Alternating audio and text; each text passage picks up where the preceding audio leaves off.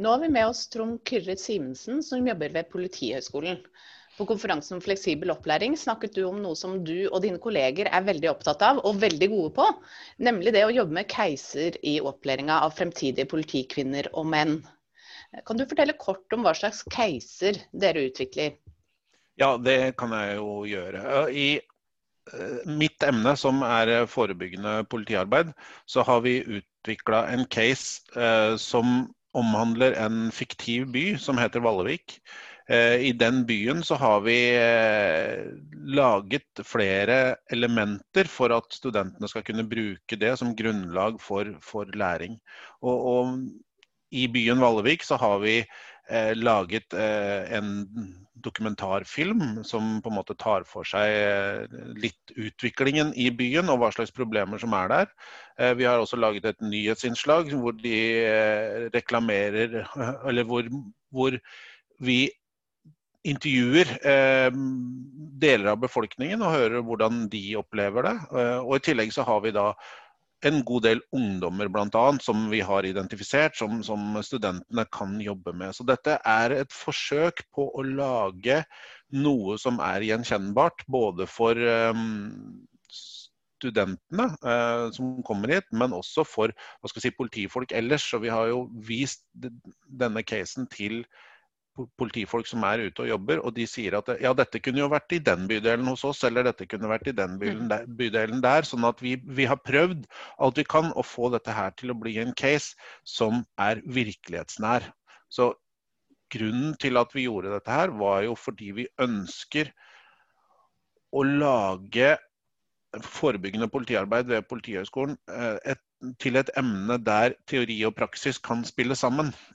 Og for i hvert fall sånn som vi tenker, da. Så for å få studenter uten praksiserfaring til mm. å forstå praksis, så, så syns vi at case er et godt, godt utgangspunkt. Ja, og du så jo veldig realistisk ut. Mm. Hvordan blir den type opplæring tatt imot av studentene? Studentene er eh, veldig fornøyde. Vi hadde i fjor, i og med at det da var første gang vi gjorde det, så, så hadde vi en evaluering hvor vi sendte ut eh, spørreskjemaer til studentene.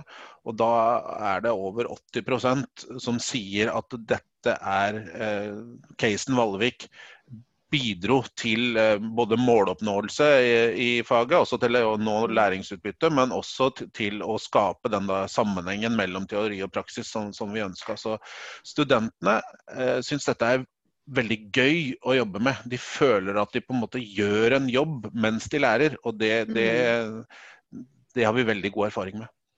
Ja, mm. men det virker litt som sånn spillbasert læring. Du er i en fiktiv by.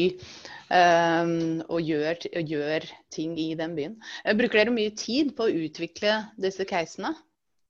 Ja, det gjør vi jo. Altså, dette er jo uh, Vi bruker ganske mange timer. Uh, men når vi da skulle lage denne casen her, og den skulle være klar til studiestart høsten 2019, så skal det sies at vi begynte rett før sommeren. Eh, så det ble, det ble veldig hektiske perioder eh, i slutten av juni og begynnelsen av august for å få det her ferdig. Men eh, prosessen som vi har brukt, den er en prosess som tar litt tid, fordi vi har tatt utgangspunkt i læringsutbyttebeskrivelsene. Vi mm. prøver å, å, å, og vi har prøvd å lage noe som kan spille opp til at studentene skal eh, lære det de skal lære. Sånn at eh, casen vår skal på en måte ikke gi noen svar, men den skal stille de spørsmålene mm. eh, som studentene på mange måter må svare ut da, for, for, å oppnå læringsutbytte. Og det å lage, lage eh, utgangspunktet for casen, det tar litt tid. Og så er vi så heldige at vi har et eh, Eh, en avdeling hos oss som heter Digital enhet, som har kompetanse på produksjon. Mm. Og de har, så de har tatt seg av produksjonen. så For de som var på konferansen i går, så så dere at det var mm, et par videoer og sånn som, som, ser ganske proffe ut. Og, og, det er takket mm. være den avdelingen. Men idé og utgangspunkt, det er det vi lærerne som har, har stått for. Ja, mm. for dere har jo da den digitale avdelingen. Men går det an å lage god case-basert undervisning uten en sånn proffproduksjon? Ja, det er jeg helt overbevist om at det gjør. Eh, jeg underviser også i et annet emne som heter eh, yrkesetikk. og Der eh, lagde vi vår egen podkast som også fungerte som, sånn der, som en case gjennom, gjennom hele semesteret. Hvor vi også slapp episoder underveis og diskuterte det. Og det var jo Det gjorde vi jo sjøl. Mm. Og jeg tror jo også det at det er ikke presentasjonsformen som er viktigst, selv om det selvfølgelig er kult når det ser, når det ser proft ut og høres proft ut, så, så, er det noe som skaper engasjement på en måte, da. Men eh, jeg tror jo det at eh, det er innholdet i casen som er viktigst. Så hvis mm. man tar seg tiden til å lage noe som kan kjennes igjen eh, ute i et praktisk yrkesliv, Mm. Eh, så, så, er det noe som kan, som studenter og de som på en måte skal lære seg det yrket, kan, kan uh, bruke uavhengig av presentasjonsform. Jeg tenker at uh, Vallevik, vår by, uh, vår mm. case, den hadde fungert også om det hadde vært en papircase. Ja. Mm. Nettopp. Og, og, det her var jo ved Politihøgskolen, men tror mm. du at uh, deres metode med casebasert læring er relevant for andre studier, altså helt andre typer fag, andre som driver undervisning? Ja, det er, jeg er helt overbevist om at alle som har eh, yrker eller fag der, der, man skal kommer opp i situasjoner av forskjellige slag, der hvor man eh, kanskje gjerne har med folk å gjøre på et vis.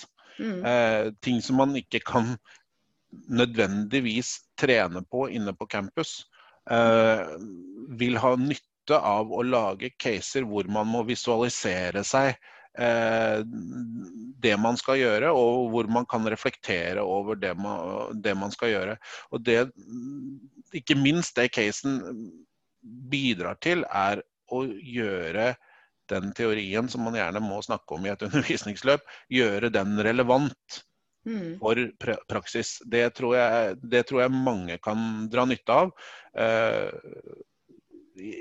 i utdanninger eller i kurs hvor man har litt avansert teori, for det, det har vi i mm. forebyggende emne hos oss, så er det ganske tung teori, egentlig, og som ofte kan bli veldig tørr hvis man ikke knytter det til noe. Men det mm. da å ha en case og knytte det til, til det, det tror jeg er veldig, veldig nyttig, og noe som veldig mange kan, kan dra nytte av. Ja, Det er kjempefint å høre. Mm. Og fremtidens yrker har med folk å gjøre. Så tusen takk til deg, Trond Kyrre Simensen fra Politihøgskolen.